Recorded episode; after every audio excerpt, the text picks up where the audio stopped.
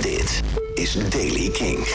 Nieuws over Joe Strummer, de Antwerpse concertzaal De Roma en nieuwe muziek van Arlo Parks. Dit is de Daily King van woensdag 19 augustus.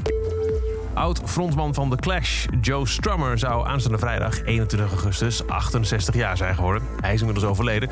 En zijn leven wordt die dag gevierd met een speciale YouTube-stream... waarbij de inkomsten die binnenkomen ook nog een keer naar de Save Our Stages campagne gaat. Een grote actie in de UK om daar kleine muziekvenues te redden van de ondergang.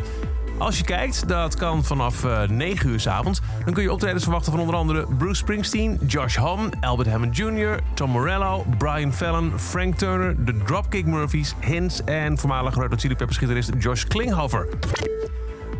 De concertzaal De Roma in Antwerpen blijft de rest van dit jaar gesloten. Het is volgens De Roma de enige manier om deze crisis te overleven op een langere termijn. Begin januari volgend jaar hoopt de zaal de deuren weer te openen.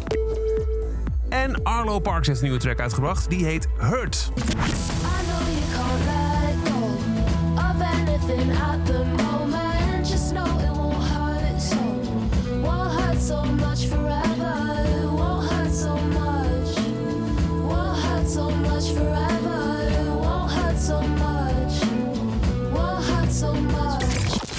De nieuwe van Arlo Parks heet Hurt. Tot zover de Daily Kink. Elke dag er een paar minuten bij met het laatste muzieknieuws en nieuwe releases. Niks missen? Luister dan dag in dag uit via de Kink-app of kink.nl.